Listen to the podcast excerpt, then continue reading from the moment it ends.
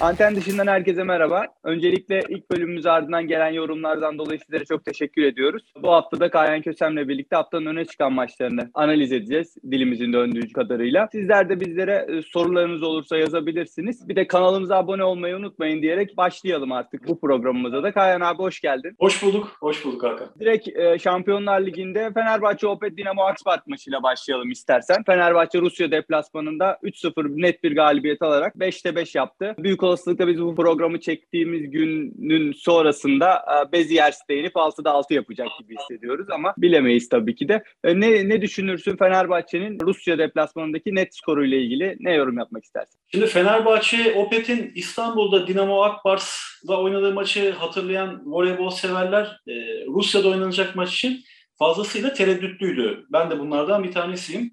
Çünkü Rus ekibi İstanbul'daki maçta çok net bir oyun baskısı sonucu 2-0 öne geçmiş. Fenerbahçe Opet sezon boyunca yaşadığı çalkantılı gelgitleri oyununa ilk iki sette yansıttığından dolayı sanki set alamadan bir mağlubiyet yaşayacakmış gibi izlenim verirken birden gerisin geriye geldi ve 5 setlik muhteşem mücadeleyi özellikle son anlarında rakibini eze eze 3-2 kazanmayı başardı. Fakat Kazan gibi zorlu bir deplasmanda gerek 1500 seyircinin önünde oynanacak e, gerekse iklim şartlarının ülkemizden çok daha farklı olduğu yerlerde zorlanabileceğini düşünüyordu voleybol severler. Fakat Fenerbahçe Opet bir kez daha tahminleri olduğu gibi alt üst etti ve çok net bir skorla 3 puanı hanesine yazdırdı. Burada daha ilginç olan bir şey varsa e, Kazan altyapısında oynamış olan Arina Fedorovseva'nın duygusal anlar yaşayabileceği ve bunun sonunda oyununa negatif etki edebileceği düşünürken 21 sayı üretip maçın en skorer oyuncusu olması akabinde yine vatandaşı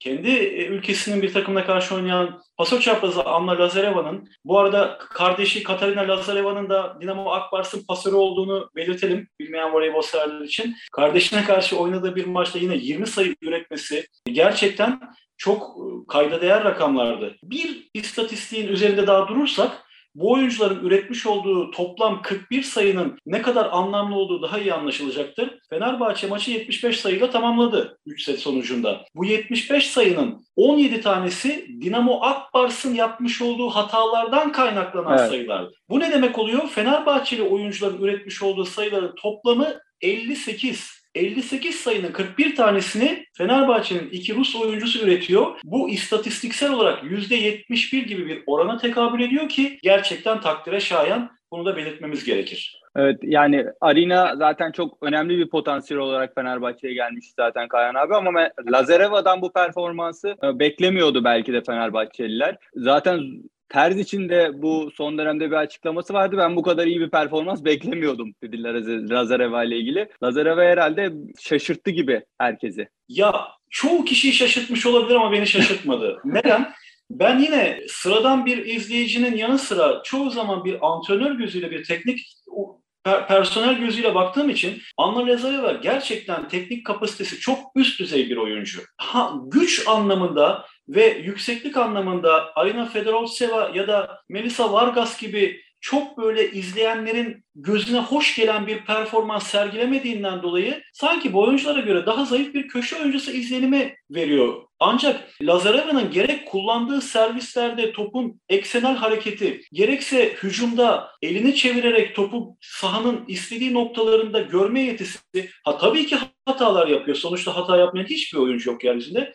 Ama bu kısımları değerlendirdiğinizde aslında Anna Lazareva bugün Fenerbahçe Opet kadrosu içerisinde teknik kapasitesi en yüksek birkaç oyuncudan bir tanesi. Dolayısıyla beni şaşırttığını söyleyemem bu performansı. Ee, burada Vargas'a yine parantez açalım abi. Hani Fenerbahçe'de bu dönem ve sonrasında hep konuşacağımız oyuncu olacak gibi duruyor. İkinci sette 8-6 iken Fenerbahçe öndeyken 3 tane manşet hatası yaptı ve Dinamo orada 13-10 gibi farklı öne geçmeyi başardı. Tersi orada hemen hamlesini yapıp Vargas'ı hani oyundan alıp manşet konusunda Melia'yı sürdü. Belki de ikinci setin orada dönmesinin en büyük Fenerbahçe tarafına dönmesinin en büyük avantajını sağladı Melia'yı alarak. Vargas bu şekilde devam edemeyeceği görülüyor gibi. Şimdi geçen haftaki programımızı izleyen voleybol severler çok iyi anımsayacaktır. Bu konunun üzerine basa basa basılmadık bir yer bırakmadık. Terz için bundan sonraki en büyük problemi çözmesi gereken en büyük sorunun bu olacağını da söyledi. Burada görünen o ki Zoran Terzic, e, Melisa Vargas'ın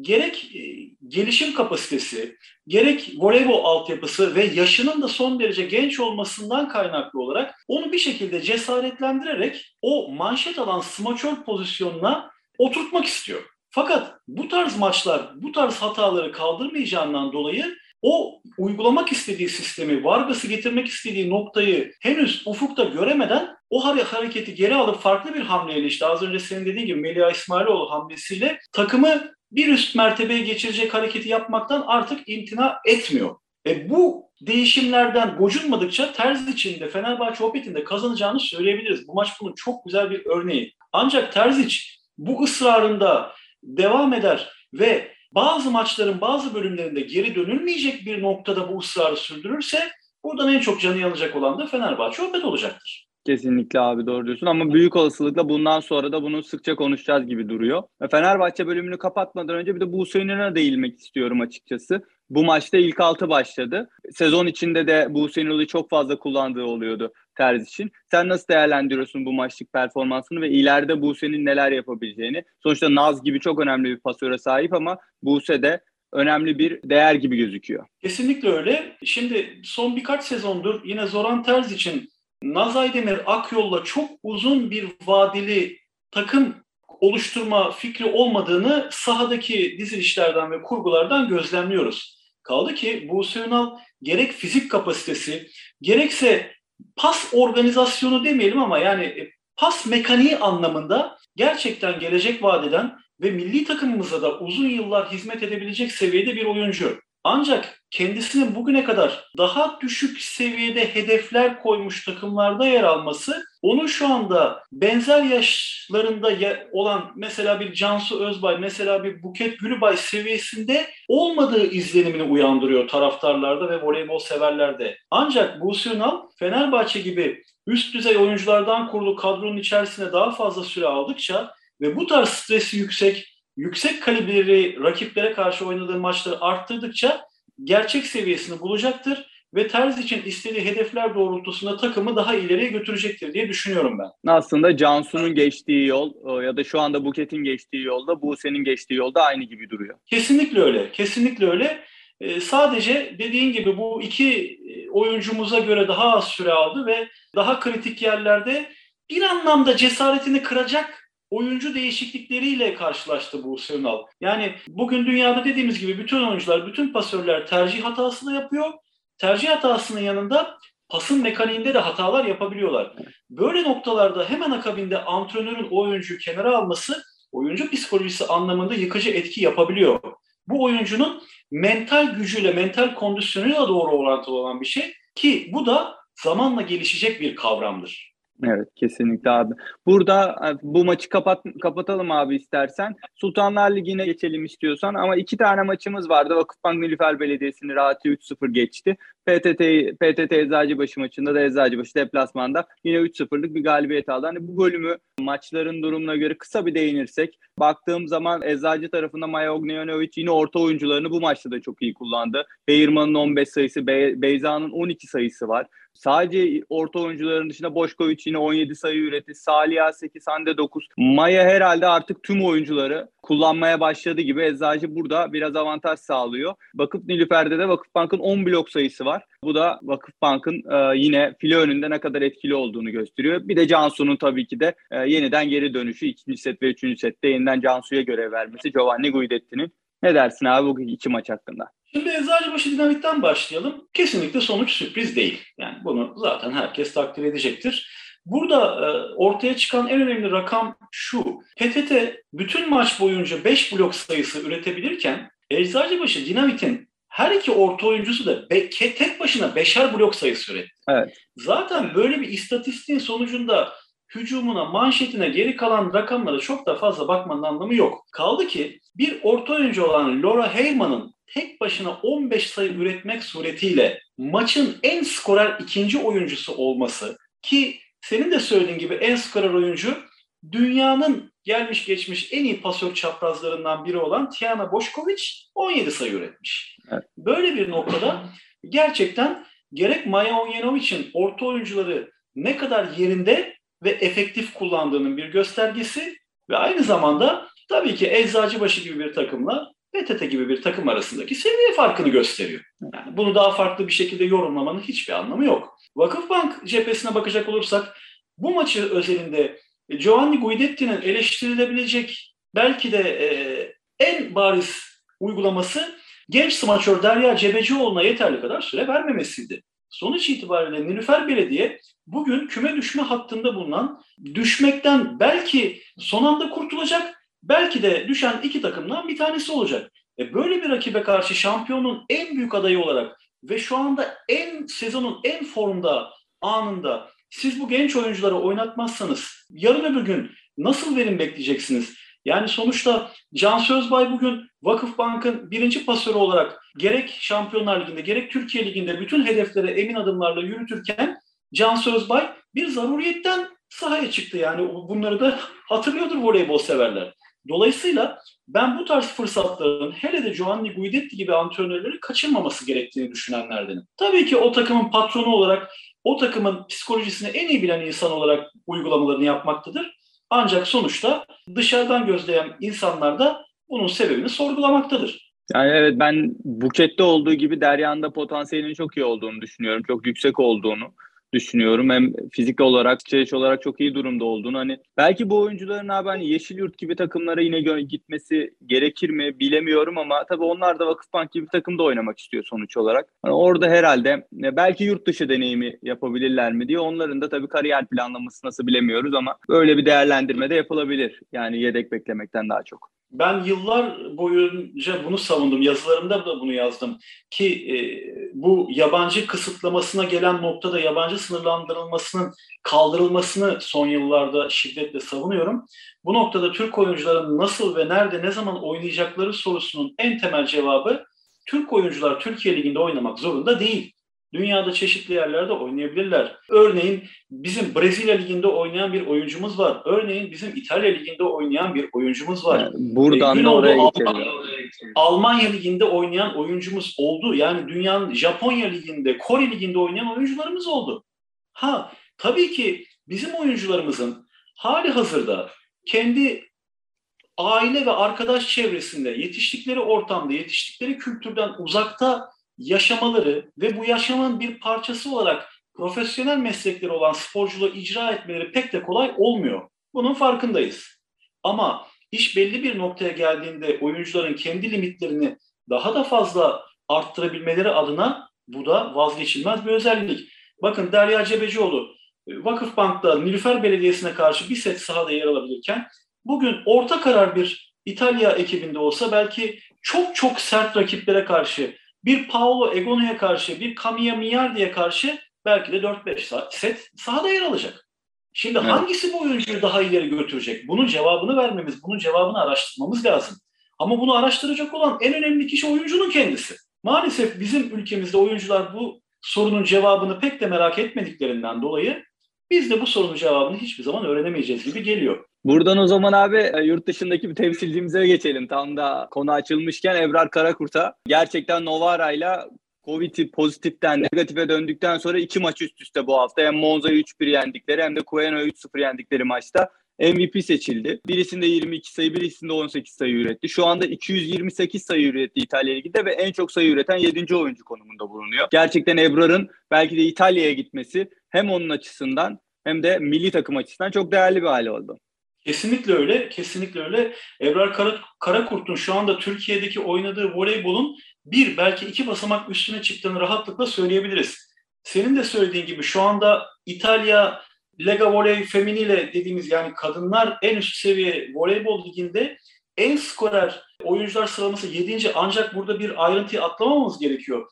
Ebrar Karakurt'un sıralamada kendisinden daha üst sırada bulunan oyunculardan oynadığı set sayısı az. Evet. İtalya'da bu sıralamayı yapan federasyon ve ilgili kurulları bunu oyuncunun ürettiği toplam sayıya göre belirliyorlar. Ve ben yıllardır buna karşıyım. Bununla ilgili FIV'de tartışmalara girmişimdir, SEV'de tartışmalara girmişimdir. Ama her defasında sonuçta kurullar bildiklerini uyguluyorlar. Sizin söylediğinizi uygulamıyorlar. Şimdi 3 set oynayan bir maçtaki oyuncunun üreteceği sayıyla 5 set oynayan oyuncunun üreteceği sayı çok Aynen. da adaletli olmayacaktır, eşit olmayacaktır. Dolayısıyla şu anda şöyle söyleyeyim. Bu sıralamada birinci Camilla Mignardi. Şimdi Camilla Mignardi'nin oynadığı maç sayısı da set sayısı da Ebrar'dan çok daha fazla.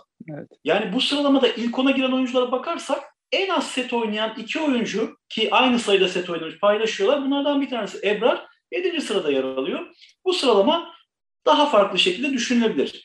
Ebrar'ın sürüklediği Igor Gorgonzola Novara çok enteresan bir bilgi verelim. Şu anda ligin gizli lideri. Evet. Bakın yani sıralamaya bakanlar dördüncü sırada görebilirler. Ama oynadığı maçların eksik olması ve bu eksik maçlardan şu an ilk oynadığı maçta bir 3-0'lık galibiyet alması halinde Imoko Voley Conegliano'yu da geçerek ikinci sıraya yerleşiyor. Lider Vero Voley Monza'nın da iki maç gerisinde kalıyor. Evet. Dolayısıyla şu anda Ebrar'ın yaptığı işin nedenle ön planda olacağını bu tarz değerlendirme ışığında daha net söyleyebiliriz. Ha şöyle bir da, bilgi daha verelim. Gerçek istatistik anlamında oyuncuları daha iyi kıyaslayabilmemiz adına Ebrar Karakurt çok az set oynayan oyuncuları dışarıda bırakırsak yani belli bir sayıda setin üzerinde oynayan oyuncular arasında hücum yüzdesi olarak %40,6 ile 6. sırada yer alıyor. Ha bu sıralamada birinci kim? Bütün voleybol severlerin tahmin edeceği gibi %48.4'lük yüzdeyle Paolo Egolo var yani. Ama yani bugün çıkıp da İtalya Kadınlar Voleybol Ligi'nde %40.6 ile top öldürmek ve bu sıralamada 6. sırada yer almak e, gerçekten büyük bir iş. Bir bilgi daha verelim.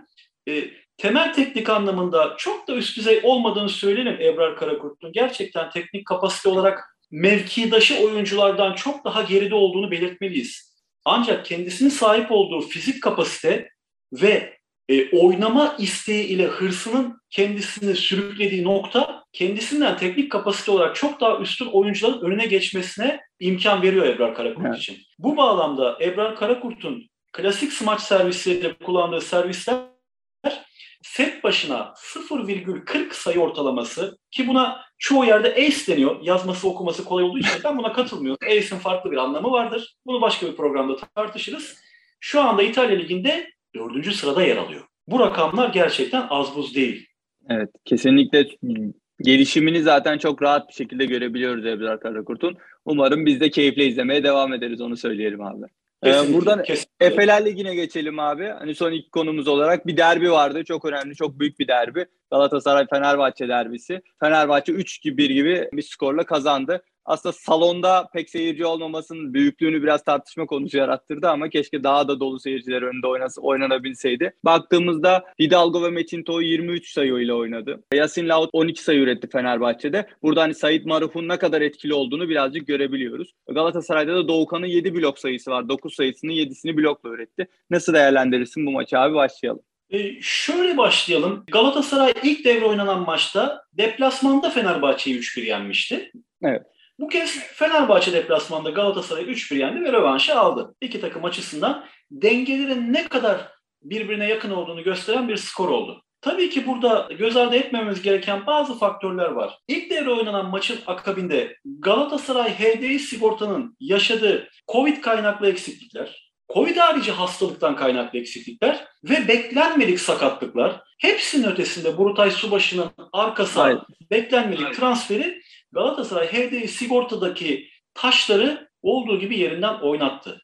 Ha bunların ötesine Sayit Maruf'un Fenerbahçe'ye katılmasından sonra Fenerbahçe'nin adeta bir kazanma makinesine dönüşmesi, orta oyuncuları mükemmel denebilecek bir seviyede çok kısa bir sürede kullanacak düzeye gelmesi, e, Salvador Hidalgo gibi özellikle filenin bir karış üzerindeki uçan toplara, hızlı toplara hücum etmeyi çok seven oyuncuları çok iyi bir şekilde beslemesi Fenerbahçe HDI sigortanın bir ara kaybetti mi acaba diye sorduğumuz kazanma alışkanlığını geri getirdi ki benim nazarımda gerçekten kazanmak bir alışkanlıktır. Sahip olduğunuz oyuncular ne kadar üst düzey olursa olsun, takımınız ne kadar yüksek bütçeli olursa olsun, eğer ki bir kazanma dinamiğine oturtamadıysanız psikolojik etkilerin de vasıtasıyla hedeflediğiniz seviyeye gelmek bu kadar kolay değil. Şimdi Fenerbahçe HDI sigorta son birkaç haftadır ki bu İranlı pasörün katılmasıdır burada milat. Gerçekten o yola hızlı adımlarla ilerliyor. Playoff'lar seviyesinde ben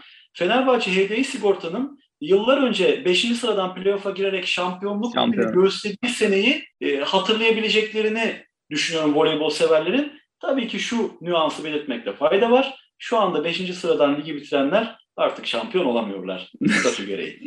Doğru diyorsunuz abi. Ya burada ya abi bu, gerçekten e, Sait Maruf'un gelişi gerçekten büyük bir etki yaptı Fenerbahçe'ye ama bir yabancı sorun ortaya çıkarttı gibi. Hani 3 yabancıdan kaynaklı Muhammed Seyit'in biraz daha hani oynayamaması sıkıntısını doğurdu ama hani pek bir de pek e, etkide etmedi. Daha da yukarı çıkarttı gibi göz, gözüküyor Fenerbahçe'yi. E, kesinlikle haklısın. Şimdi Muhammed Seyit Musavi, İran milli takım orta oyuncusu. Sezon başından beri Fenerbahçe HDI Sigorta'nın en üst düzey voleybol oynayan oyuncusu. Gerçekten çok kusursuza yakın bir top oynadı. Ve şu anda yabancı kısıtlamasından dolayı Daniel Castellani yapması gerekeni yapıyor. Şu anda evet. Fenerbahçe HDI Sigorta'nın başına dünyadaki hangi antrenör getirirsiniz getirin kenara koyacağı yabancı oyuncu İranlı orta oyuncu olacak. Maalesef. Gel gelelim İranlı pasör Sayit Maruf'un onun yerine oynayan işte Ahmet Tümer olsun, Emre Batur olsun bu oyuncuları kendisinden önceki performanslarından 2-3 gömlek yukarıda oynatacak seviyede zamanlamalı beslemesi ve uygun pasları atması gerçekten Seyit Musavi'nin yokluğunu şu ana kadar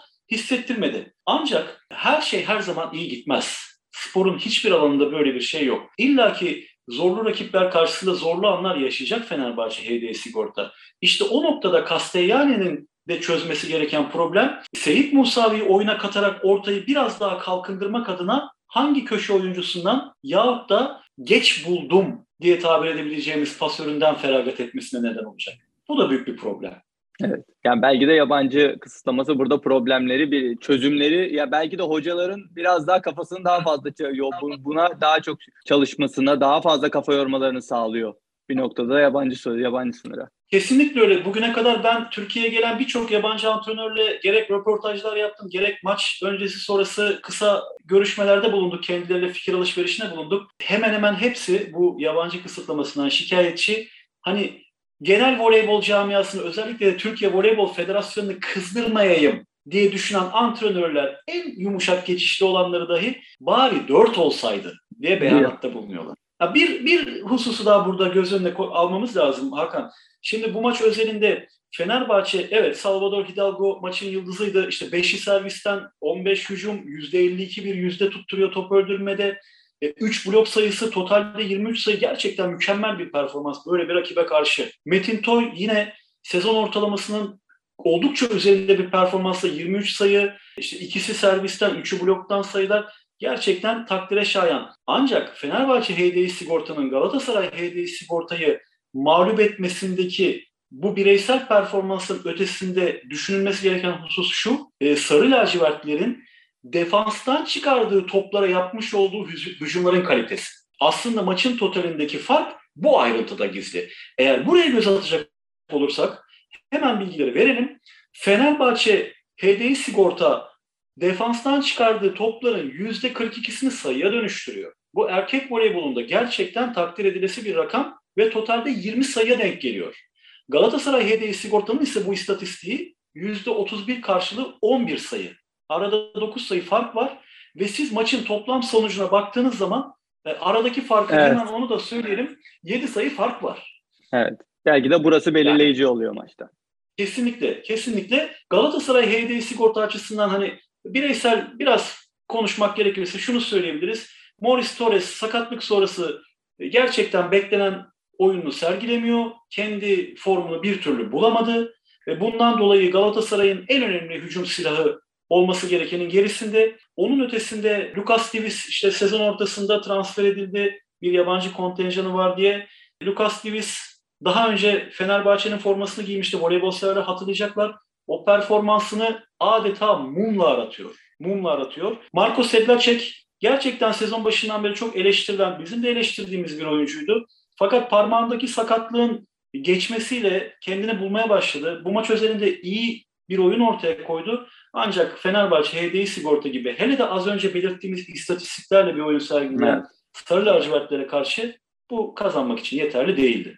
Abi son maçımıza geçelim o zaman. Yine önemli bir maç. Yine Efeler Ligi'nde oynandı bu hafta. Ziraat Bankası ile Arkas. Arkas bu sezon üçüncü kez 2-0 öne geçtiği bir maçı kaybetti. İkinci kez Ziraat Bankası'na bir kez Fenerbahçe'ye üstündeki tüm takımlara, önemli takımlara kaybeden bir Arkas görüyoruz. Sadece bu Ziraat Bankası, Galatasaray, Fenerbahçe ve Halkbank bölümünde sadece Galatasaray'ı 3-2 yendi. Maçı nasıl değerlendirirsin? Kısaca onu alalım senden abi. Maçı değerlendirmeye geçmeden önce ben bu 3-2'lerin kendi açımdan neden kaynaklandığını kısaca anlatmaya çalışayım. Zaten bu biraz da o bölümümüz orası abi aslında. Yani arkasında evet, 2-0'dan evet. üçüncü kez böyle bir maç vermesi e, aslında konuşulacak yani, konu orası. Bu skorların, bu gidişatın arkasında yatan en önemli husus benim kanaatime göre istikrar. Maalesef Arkas Türk voleyboluna oyuncu yetiştiren bir anlamda oyuncu fabrikası görevi gören bir e, kulübümüz. Bu konuda kendilerini herkesin takdir ettiğine ben eminim.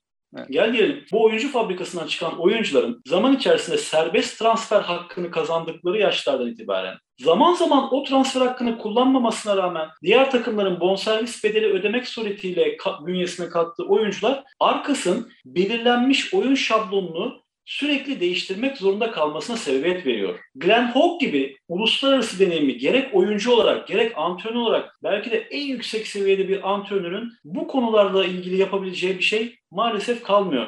Bakın sürekli pasör çaprazı değişiyor. Bu sene Gabriel Candido geldi. Sürekli istikrarsız bir oyun sergiliyor. Son derece güçlü bir oyuncu ancak bir istikrar söz konusu değil. Burutay Subaşı'nı işte aldılar Galatasaray'dan sezon ortasında Galatasaray'daki performansının da altında bir oyun sergiliyor e, deneyimli smaçörümüz, milli smaçörümüz.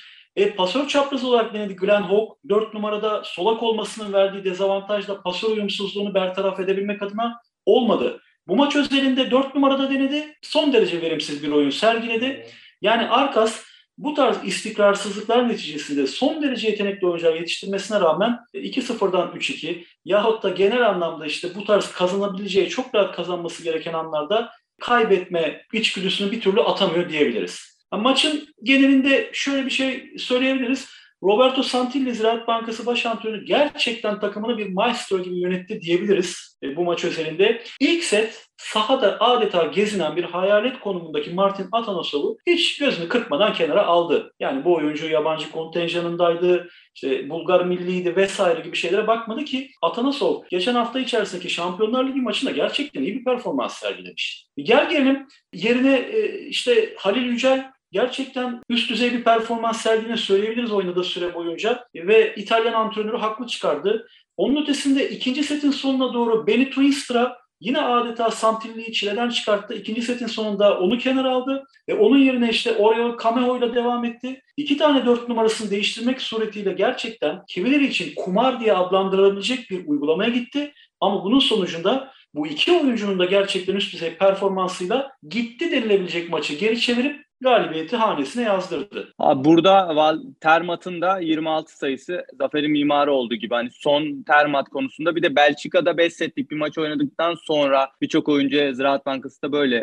bu söylemi söyledi. 5 setlik bir maçtan sonra döndüğümüz için ilk iki sette biraz toparlayamadık gibi bir e, söylemleri oldu oyuncuların. E, bir de Termat hakkında ne dersin? Bir de bu yorum hakkında ne dersin olarak böyle kapatalım bu maçı da. Valla ben bu yoruma katıldığımı söyleyemeyeceğim. Daha önce de bununla ilgili bana sorulan sorularda yani 5 setlik maç oynadık ondan sonra ilk 2 set adapte olamadık. Yani siz 5 set maç oynayıp da üzerine işte Avrupa ile olan saat farkından e, ülkeye gelişteki işte gerek yorgunluk gerek işte çok hafif de olsa bir jet lag yaşamasından kaynaklı sıkıntı mı yaşıyorsunuz? Ya o zaman zaten uzayan maçlarda, uzayan setlerde fizik olarak düşersiniz. O zaten 3-0 gider o maç. Evet. Yani oyuna girememek tamamen e, mental ve teknik bir uygulamadır. Bunun kondisyonla ya da yorgunlukla çok da bir bağlantısı olmaz. Gel gelelim. Termaat'ın gerçekten çok üst düzey bir performansı vardı senin de söylediğin gibi. Ancak Termaat Türkiye ilk geldiği günden beri işte Fenerbahçe ile o playoff'a 5. sıradan girerek şampiyon oldukları senenin lokomotifiydi. Oradan beridir gerçekten bir çizgi tutturdu ve o çizgisini hiç düşürmüyor. Bununla beraber Termaat dahil bu maç özelinde hemen hemen sahadaki bütün oyuncuların gelgitli bir oyun sergilediğine tanık olduk. Evet. Ki benim kanaatim Türk erkek voleybolunda gerek milli takımlar gerekse kulüp takımları düzeyinde Polonya, İtalya, ve Rusya gibi üst düzey ülkelerin milli takımlarına ya da kulüp takımlarına karşı hep geride durmamızın sebeplerinden bir tanesi ligimizde yer alan oyuncuların, bakın yerli yabancı ayırmıyorum, ligimizde yer alan bütün oyuncuların gelgitli performanslara imza atması, istikrar, istikrarsızlık.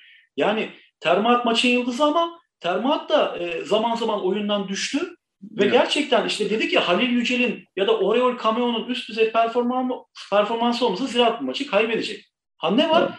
Termat azından çizgisini belli bir düzeyde koruyabildiğinden dolayı 5. sette kendisine atılan 10 top ki çok üst düzey bir rakamdır. Yani Ziraat Bankası'nın 15 hücum yaptığını varsayacak olursak final setinde bu 10 topun altısını sayıya dönüştürdü. %60'da son seti takımına getiren isim oldu. Bununla beraber Arkas'ta işte Nicholas Hogg da son sette gerçekten üst düzey bir performans sergiledi. %57 ile hücum yaptı 5. sette. Kolay bir şey değildir bu. Ve 5 sayı öldürdü.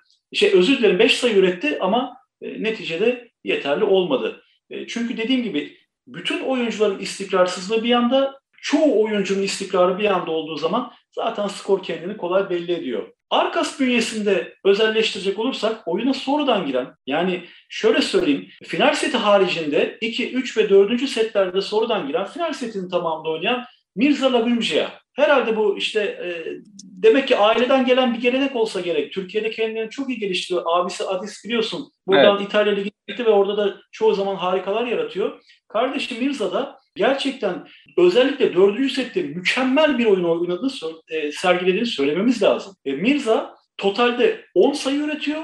Bir servisten ve toplamda %75 ile top öldürüyor. Evet. Yani 12 top geliyor kendisine 9 sayı üretiyor. Gerçekten hele de oyuna sonradan giren bir oyuncu için takdir, takdir edilesi rakamlar bunlar.